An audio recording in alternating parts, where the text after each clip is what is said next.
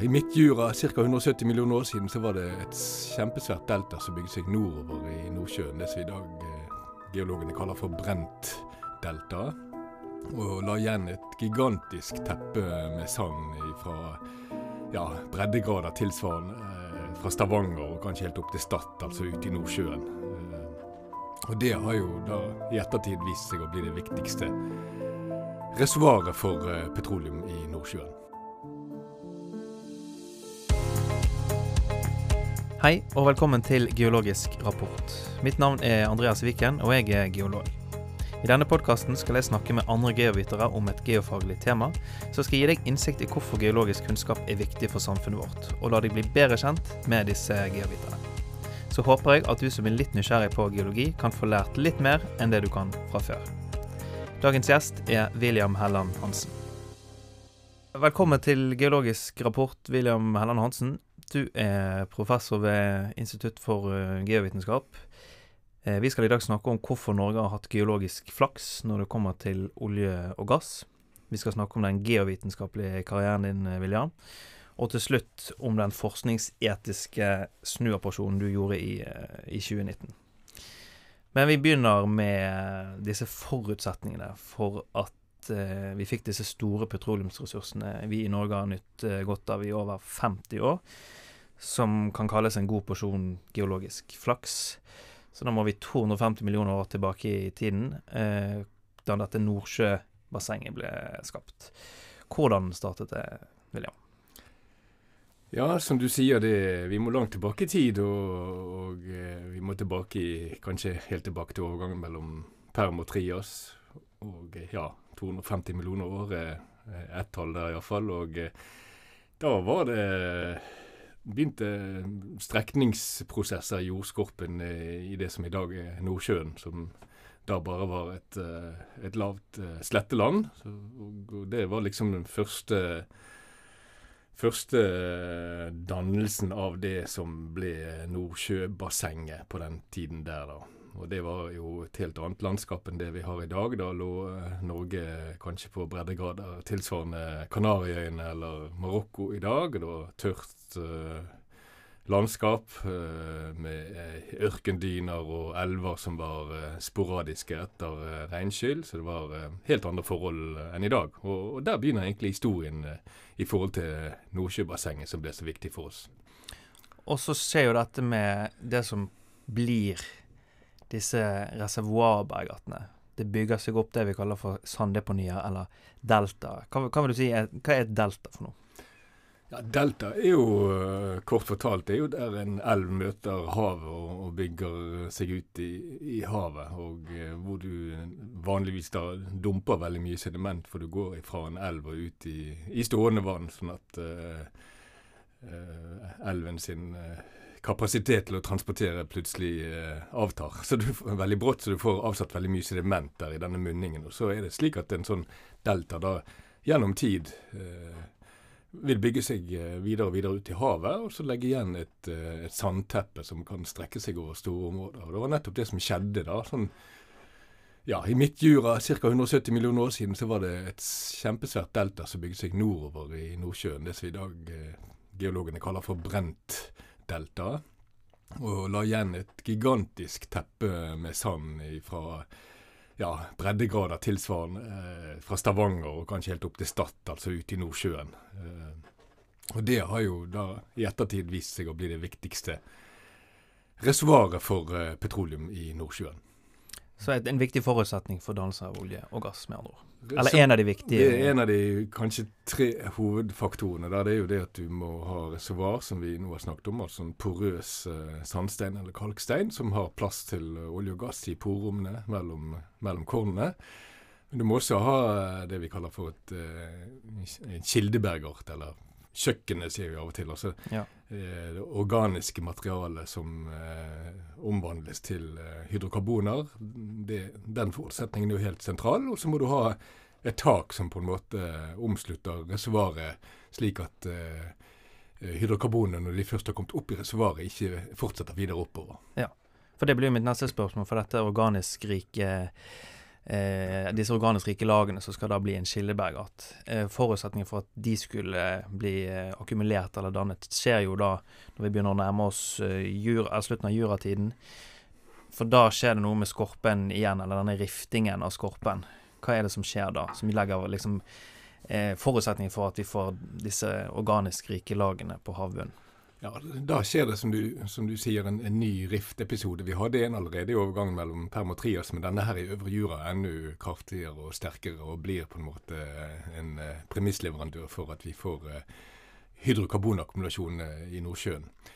Og Det er da en, en, strekning av jordskorpen som som på en måte ikke blir helt vellykket. for Den går ikke så langt til at det blir et nytt hav, sånn som vi senere får i, i Nord-Atlanterhavet. Mm. Men det er en begynnende strekning som eh, da dør ut på et vis. Men eh, nok til at eh, eh jordskorpen brytes opp i, eh, i store forkastningsblokker. Eh, man kan se for seg nærmest dominoblokker som skråstilles pga. denne strekningen. Og når det har skjedd, så får du på havbunnen så får du et slags eh, trappetrinnslandskap. Man kan tenke seg disse dominoblokkene som står på skrå, og så stikker eh, litt høyt opp på den ene siden og går litt lavt ned på den andre siden. Og uh, det er delvis øyer i Nordsjøen, men også havbunnstopografi, som er litt sånn bakke opp og bakke ned-landskap. Og oppi det der landskapet, nede i disse gropene her, så er det dårlig sirkulasjon. Samtidig så er det mye eh, produksjon av organisk materiale høyere opp i vannsøylen som synker ned. Og i og med at det er så dårlig sirkulasjon, så kommer ikke oksygen til. Så dette forråtner ikke. Så den energien, kan du si, eh, som eh, ligger i organisk materiale, den, den blir oppbevart og blir seinere til, til, olje og gass. Og dette materialet, det er, vi må liksom legge en sånn myte død her. Det er mange som sier at dette er døde dinosaurer, men det er hovedsakelig plankton og alger som gir opphav til disse kildebergartene? Ja, og, og først og fremst uh, marine uh, alger og plankton som gir opphav til, uh, til olje. også til dels planteplankton, som da vanligvis gir mer opphav til gass. Mm. Så det er begge deler. Så nå har vi på en måte fått det som blir til en kildebergart. Vi har det som kan bli reservoarbergart. Og så skjer det noe utover krittperioden når dette Nordsjøbassenget blir litt dypere og større. Da får vi en annen forutsetning når det kommer mye leir og slam ut i dette havet. Hva, hva skjer da? Helt riktig. Altså, etter denne Rift-episoden så er jo, dyrskorpen eh, oppvarmet og, og, strukket. Og når den eh, riftingen, strekningen, avtar, så kjøles eh, jordskorpen eh, av igjen. Og da synker jordskorpen ned. og og eh, dette trappetrinslandskapet som vi snakket om i sted, det kommer dypere og dypere. Og eh, gjennom lange tidsperioder, og nå er vi oppe i eh, krittiden, så, så avsettes da lag på lag med finkornige bergarter og, og leire og slam i ja, hundrevis og kanskje kilometer tykke lag. Og dette legger jo da som, som en kappe over reservoarene og, og, blir eh, det viktige taket som vi snakket om eh, i sted, som mm. hindrer at uh, det som senere blir hydrokarboner som uh, beveger seg opp i reservoarene, de slipper ikke ut. Ja. Men så er det først for 80 til kanskje 60 millioner år siden at de blir begravet, disse her bergartene, eller det som blir til til bergartene. For de blir liksom ikke en kildebergart med en gang de er på en måte Det, det må liksom en modningsprosess til før, før noe skjer. Så hvordan modnes liksom en, en kildebergart? Helt klart. Eh, altså her er det snakk om å komme opp i et uh, vindu av trykk og temperatur som ja. gjør at uh, disse organiske forbindelsene de blir enklere og enklere, og til slutt så nærmest svetter de ut av denne kildebergarten og, og migrerer oppover via sandlag eller forkastninger, og, og greier å komme seg helt opp i, i reservoaret. Og det var slik i Nordsjøen at du har på en måte en, en akse i, i, denne riften som vi snakket om, hvor eh, bassenget blir dypere enn på sidene. Og eh, i disse dype delene av bassenget så kommer da disse eh, organisk rike skifrene ned i det dypet som er kritisk for at det skal begynne å, å avgi hydrokarboner. Og det er nettopp det som skjer i Nordsjøen.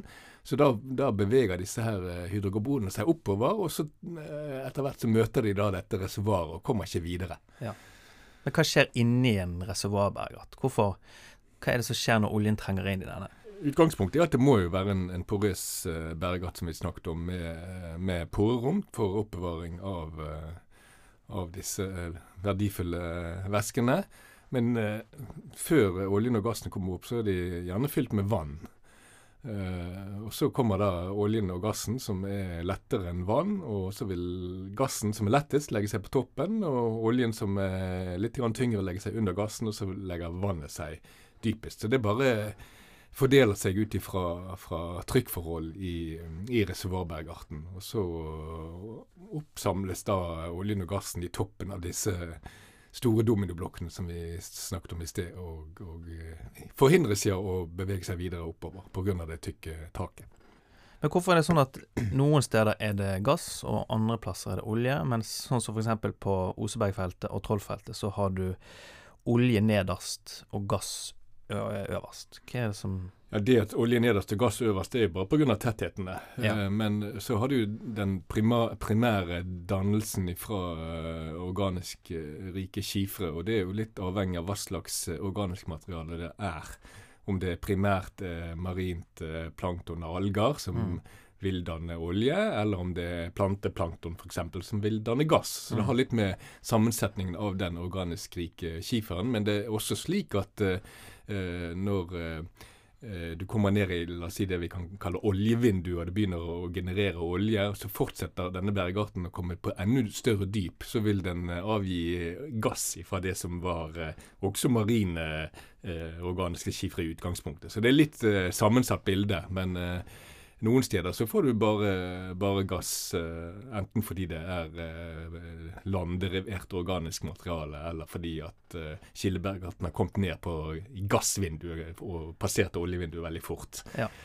Så, det, så, det, er litt komplekst, men, ja, men, du har alle kombinasjoner her, egentlig. Ja. Men for å oppsummere litt, så mm. denne geologiske flaksen Vi har hatt en rift. Som, det var jo flaks at den ikke ble delt i to. For det, den riftingen ga rom for sedimenter, og de sandrike formasjonene, det var gassres nei, ja, oljereservoarer eller petroleumsreservoarer. Disse roterte forkastningsblokkene eller dominobrikkene, de fungerte som type feller. sant? Og dette laget med lære og slam som la seg over som et tak. Og ikke minst da disse kildebergartene med organisk rikt slam og leire. Så alle forutsetningene spiller jo altså en viktig rolle her, da, eh, og må jo absolutt kalles for geologisk flaks. Men flaksen, William, den stopper ikke der.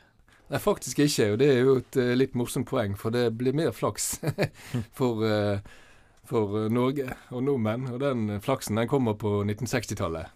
For da er det da er Nordsjøen et utforsket område, og det er så vidt i gang med forhandlinger om hvordan man skal dele sokkelen mellom naboene, altså Storbritannia og Danmark og, og Norge osv.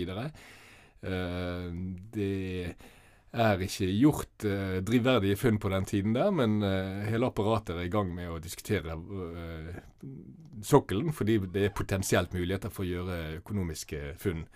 Og Da er det diskusjoner på høyt nivå. og hvordan skal man dele sokkelen mellom naboer? Og Ett prinsipp er det å det man kaller altså 200 meters vanndyp. Altså Ut til 200 meters vanndyp så har Norge suverenitet. Eh, et annet prinsipp er det som kalles midtlinjeprinsippet, hvor man på en måte deler eh, sokkelen eh, midtveis mellom nabostater. Men når det gjelder det første prinsippet, 200 meter, så har vi noe som heter norske, renner, norske som går langs norskekysten, som er gravd ut av isstrømmer under istidene. Og den norske renna er jo ofte mer enn 200 meter dyp, og opptil 700 meter dyp, og ikke så veld, veldig langt ut fra kysten. Så hadde det 200-metersprinsippet vunnet gjennom, så hadde ikke Norge hatt uh, særlig stor uh, kontinentalsokkel. Men så ble det da uh, midtlinjeprinsippet som vant frem. Og dette var før man visste noen ting om ressursene der ute. Og den midtlinjen mellom Storbritannia og Norge og mellom Norge og Danmark, den viser seg å gi vanvittig flaks til Norge. For de to største feltene på norsk sokkel, Ekofiskfeltet og eh, Statfjordfeltet, de kom akkurat på innsiden av denne midtlinjegrensen. Eh, faktisk så strekker Statfjordfeltet seg lite grann inn på britisk side også. Men eh, da snakker vi om en ny runde med flaks. Helt klart.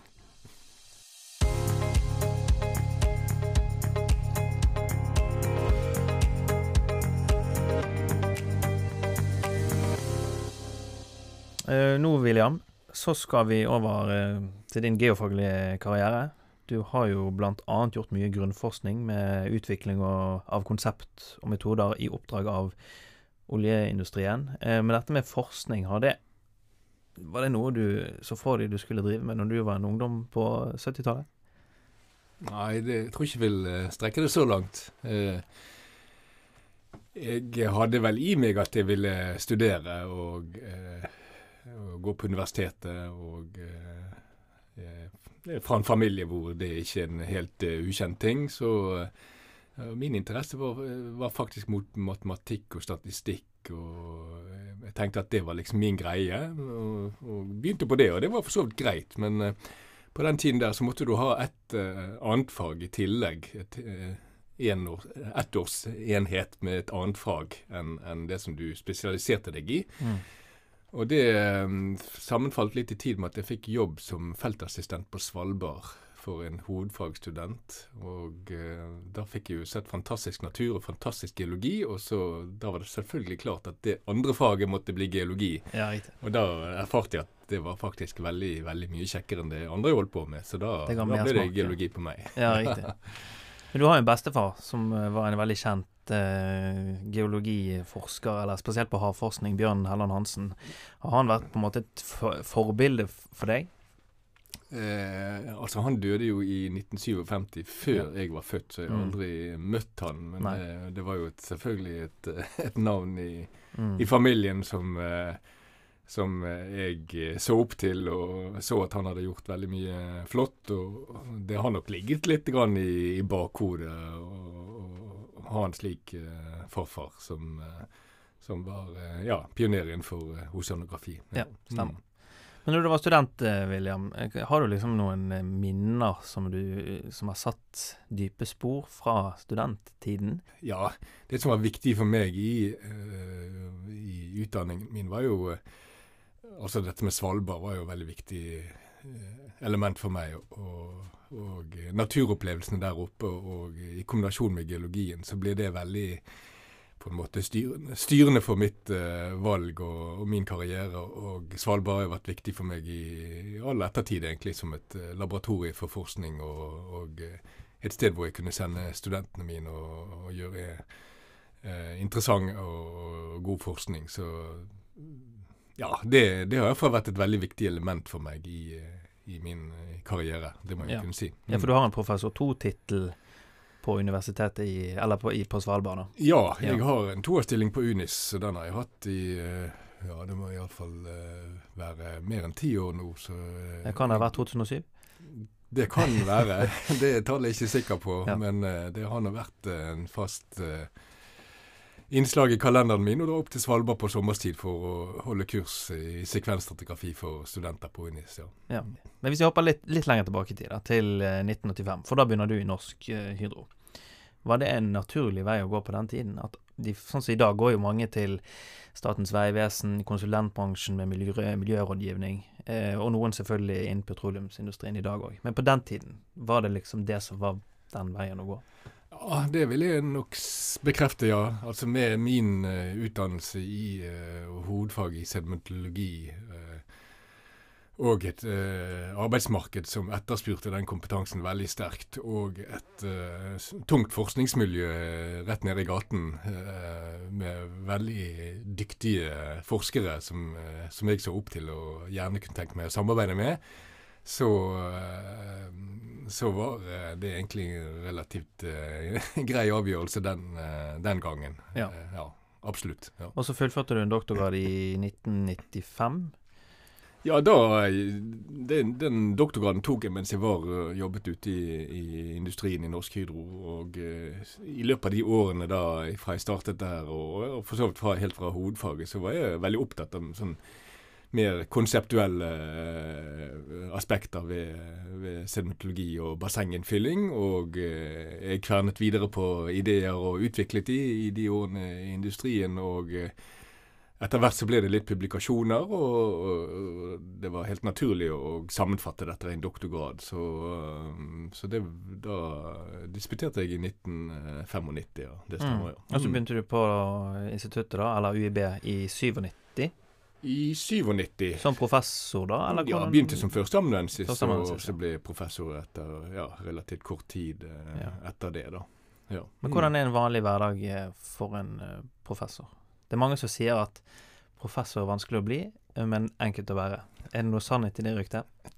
Ja, det er, ikke, det er ikke helt feil, det. For det er jo, det er jo et lite nåløye, det å ja, Kanskje først og fremst få den faste vitenskapelige stillingen, og så søker du kanskje opprykk da til eh, professor. Men, eh, men eh, hvordan er hverdagen for en professor? Den er Du er jo mye din egen herre og styrer dagen som du vil. Mm. og fyller mye av tiden med sjølpålagte oppgaver. Altså Du har Ja. jo selvfølgelig undervisning og du har noe administrasjon, men ellers er det jo eh, å, å fylle tiden med, med forskning og, og formidling som, eh, som du egentlig i stor grad velger sjøl.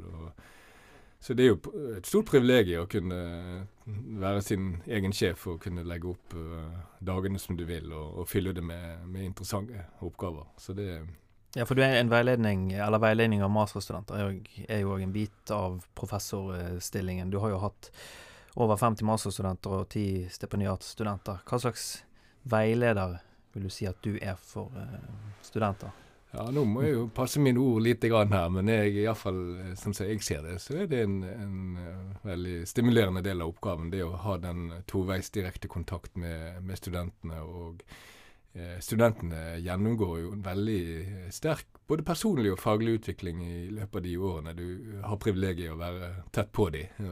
Og, det, det føles virkelig som et privilegium. og eh, Eh, jeg syns det, ja, det er veldig kjekt det å se hvordan de, mange av dem utvikler seg og blir eh, stødige, eh, trygge fagpersoner. Og, Mm. og, og du tenner en gnist, og du ser at dette noe de skal ta med seg videre i karrieren og vil eh, Ja, du gir deg gir de en slags eh, start eh, startskudd som er utrolig viktig for, for veien videre for dem. Så det, det er både et ansvar og et privilegium. Men merker du at tidlig at her er det ett som er et forskningstalent?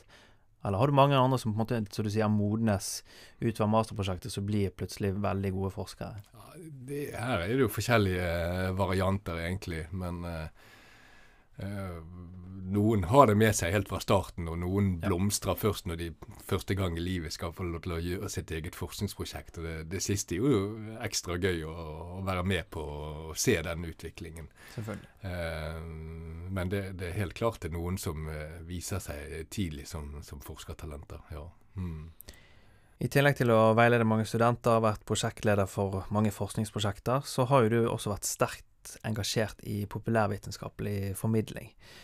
Du har jo annet vært initiativtaker, hovedredaktør og prosjektleder i Naturhistorisk veibok, en lokal bestselger med godt over 20 000 solgte bøker.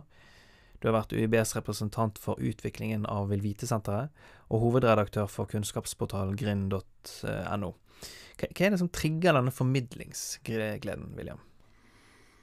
ja, det er et godt spørsmål. Eh, Er det et ansvar du føler som professor, at det skal måtte nå ut til eh, den vanlige mannen og kvinnen i, i gaten? Det, det er egentlig noe som kommer eh, innenfra. Det er ikke pga. et uh, ytre påtrykk om at eh, vi må drive med formidling, og derfor gjør jeg det. Det er fordi jeg syns det er gøy. og Jeg har alltid vært opptatt liksom av geografi og steder og alle historiene som skjuler seg bak neste haug som til dels er ukjente. Så jeg syns det, jeg det på en måte er kjekt å løfte opp alle de eh, småhistoriene rundt omkring som i seg sjøl er veldig, veldig spennende, og at man ikke trenger å reise så veldig langt for å, eh, eh, forstå og oppleve naturen. Det er kanskje litt sånn grunnlag for de formidlingsprosjektene som jeg eh, holder på med. At jeg, eh, jeg har lyst til å løfte opp eh, alt som vi har rundt oss som er så, så flott å, å vise frem, og som ikke alle vet om. Det er kanskje et annet utgangspunkt enn andre har for formidling, men eh, sånn, eh, sånn har jeg tenkt iallfall. Ja. Også et litt sånn vanskelig spørsmål, kanskje. Men har du, har du et karrierehøydepunkt?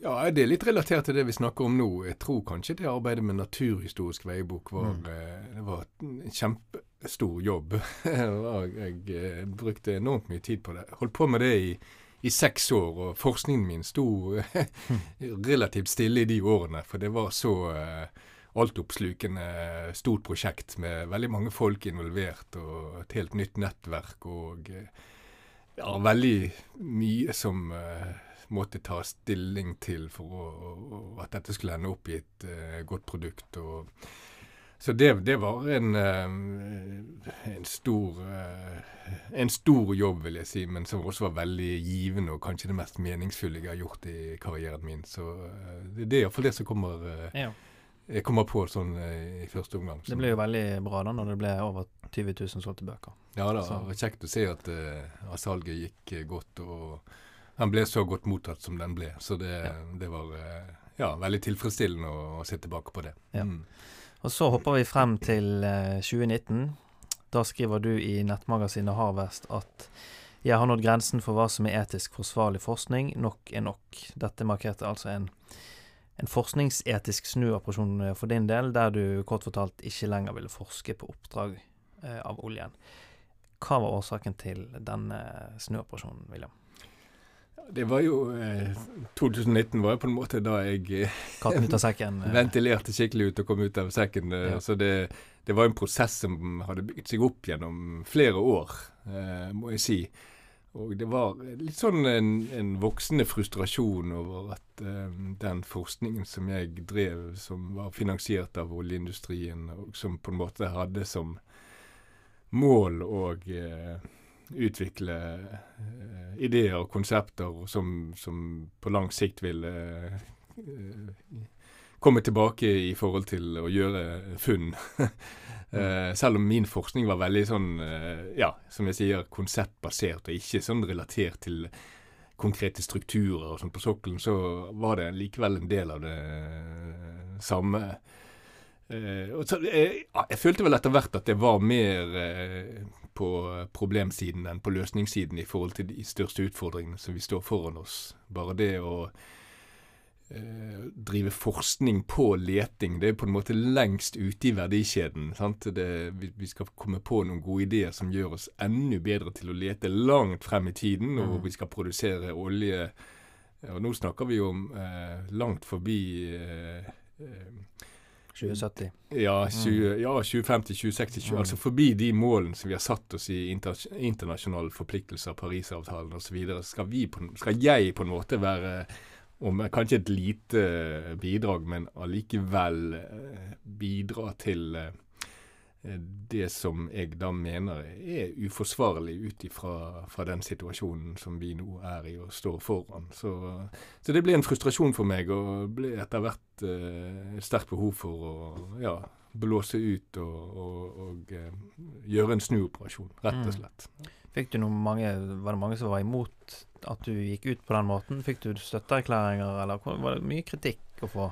Det var nok sånn flere, som var, i, flere, som var, imot enn de som direkte ga uttrykk for det. Det var ikke mange som, uh, som uh, virkelig gikk i strupen på meg, for å sette det på spissen. De mm. aller, aller fleste var uh, støttende og positive. Og om, om, ikke de var enige, så kunne de si at det der var godt skrevet. Og, og, og jeg oppfattet som en ja, respektfull uh, Eh, respons på, på, det jeg hadde gjort. Så, mm. så, i det store og det hele så var det, var det mer ja, en, en, positiv erfaring i forhold til uh, omverdenen at, ja. at, jeg gjorde det jeg gjorde. Ja. Og så skrev du i Aftenposten noen år etter at um, Arbeiderpartiet må slutte å dele ut letelisenser, og at de er for feige til å ta tøffe avgjørelser med tanke på stopp i oljeleting. Og da får jo du òg svar fra Jonas Gahr Støre eh, som skriver bl.a. at Arbeiderpartiet vil løse klimakrisen gjennom å få fart på omstillingen som allerede er i gang, fordi vi vet at nøkkelen til klimaproblemet ikke minst ligger i eh, hendene og hodene til våre industriarbeidere. En politisk vedtatt sluttdato vil kortslutte, ikke påskynde denne prosessen. Var du fornøyd med det svaret du fikk? Nei, jeg kan jo ikke si det, da. Men det var jo gøy at du fikk et svar fra ja. eh, Jonas Gahr Støre. Så eh, Uh, nei, jeg, eh, jeg, er jo ikke enig i det. Altså, det, her er det igjen snakk om at ved, ved å lete etter nye olje- og gassressurser, så uh, planlegger vi for en verdiskapning som ligger på overtid i forhold til de målene vi har satt oss. Mm. Vi snakker uh, ut i andre halvdel av, av dette århundret. Og jeg syns at superrike Norge, et verdens beste land å leve i. Hvis det er noen som skal snu i denne prosessen, så, så må det være oss. Og vi er mye mindre avhengige av olje- og gassinntektene enn en mange andre oljeproduserende land som eh, Altså den delen av vårt eh, bruttonasjonalprodukt som er helt eh, olje- og gassbasert, er jo relativt liten i forhold til eh, et land som eh, Irak eller Mm. Venezuela. Altså, Ja, ja. Hvem skal snu seg her? Eh, noen bør Noen må gjøre det. Og jeg tenker at vi bør være blant de første. Leser du eh, kommentarfeltene i disse artiklene i Aftenposten? Eh, jeg prøver å unngå det, eller jeg prøver å sortere litt Ja. grann hva jeg leser, da. Men eh, det er ofte misbruk av tiden. Det er Ja. min Kan, jeg, kan jeg få lese en Det var veldig ja. mange støtteerklæringer i, i den. Og så Det var var det det. noen som var litt kritisk, og så er det en som skriver at logikken må jo da bli at vi alle må skamme oss over å ha solgt olje og gass i 50 år. Professoren ville vel, om han kunne, donere fondet til fattige nasjoner. Han kan sikkert mye om bergarter, men like lite om klima som du og jeg. Nå blir hans politikk heldigvis ikke gjennomført. Tvert imot, så lenge disse produktene har en kommersiell verdi, eh, vil vi selge det. Pump så lenge remmer og tøy holder. Ja, det, ja jeg, Det er mye fint ute der. ja, ja det, jeg burde gjerne svart på den, men jeg gjorde ikke det. Nei, nei da, jeg, forstår det. Ehm, men i dag, så um, Nå forsker du lenger ikke på oppdrag av eh, oljen. Hvordan bruker du ditt forskningshode i dag? Og i tiden fremover, ikke minst. Ja, det er Jeg ser jo det at med min kompetanse så, går det an å bruke den til andre ting enn olje og gass. Og det er viktig å, å kommunisere ut at uh, sedimentologi er et, eh, et basisfag som har mange anvendelsesområder, og som også kan være viktig i den uh, utfordrende tiden vi står foran oss. Så jeg har prøvd det både gjennom uh, master- og doktorgradsprosjekter og, og andre forskningsprosjekter, og uh, reorientere meg lite grann i, i forhold til det jeg har gjort tidligere, og, og prøve å se anvendelser av sedimentologien i, eh, i et, ja, et litt forslitt uttrykk, da, men i et bærekraftig perspektiv. Mm. Du har jo annet noe som heter kystendringer i det 21. århundre, som handler litt om dette med hvordan havnivåendringer påvirker eh, kyster som har veldig løse og mobile sedimenter. Kan du fortelle litt om det? Sånn som Norge, eksempel, vil jo ikke være, gå under den kategorien med store kystendringer, siden det er mye fast gjeld eh, i Norge. Men, men andre plasser er jo dette et stort problem. Absolutt. og det er Veldig mye av forskningen nå eh, knyttet til fremtiden er jo, er, som du sier, knyttet til havnivåendringer. Altså den vertikale høyden av havnivået, hvor fort og hvor mye det stiger eh, fremover i vårt århundre. Eh, det som har vært viktig for meg å også påpeke at det er andre prosesser som eh, samspiller med havnivåendringer, som vi også må eh, se grundig på. Og, det gjelder eh, f.eks. Eh, innsynkning eh, av jordskorpen. Det er ma mange årsaker til innsynkning. Eh, det gjelder eh, sedimenttilførsel som kommer ut i deltaene. Og det gjelder det, hvordan sedimentene fordeles langs kysten. Eh, og, eh, så det her er mange prosesser som spiller sammen, som på en måte eh, da eh, vil være avgjørende for hvordan eh, fremtidens eh, kyster kommer til å se ut eh, utover i eh, århundret. Og spesielt, som du sier, da, hvor det er veldig mye løse sedimenter. Og Mm. Ikke sånn som vi har eh, langs norskekysten, hvor det er eh, nærmest det vi kan kalle en klippekyst, eller det er fast fjell som går ut i havet. Men der du har lave eh, gradienter eh, i landet bak kysten, og du har mye løse sedimenter, så er det kjempestore utfordringer eh, i forhold til eh, ja, oversvømmelser og eh, endringer som kommer til å skje utover i århundret. William Helland Hansen, tusen takk for at du tok turen til Geologisk rapport. Og dette var første episode av Geologisk rapport. Flere episoder vil du i tiden fremover finne på de fleste plattformer du hører podkast. Følg oss gjerne på Instagram, og har du spørsmål, ris eller ros, eller kanskje forslag til noen jeg bør snakke med, så kan du sende meg en melding på Instagram eller på andreas.viken alfakrølluib.no. Denne podkasten er laget i samarbeid med Institutt for geovitenskap ved Universitetet i Bergen. Takk for at du hørte på.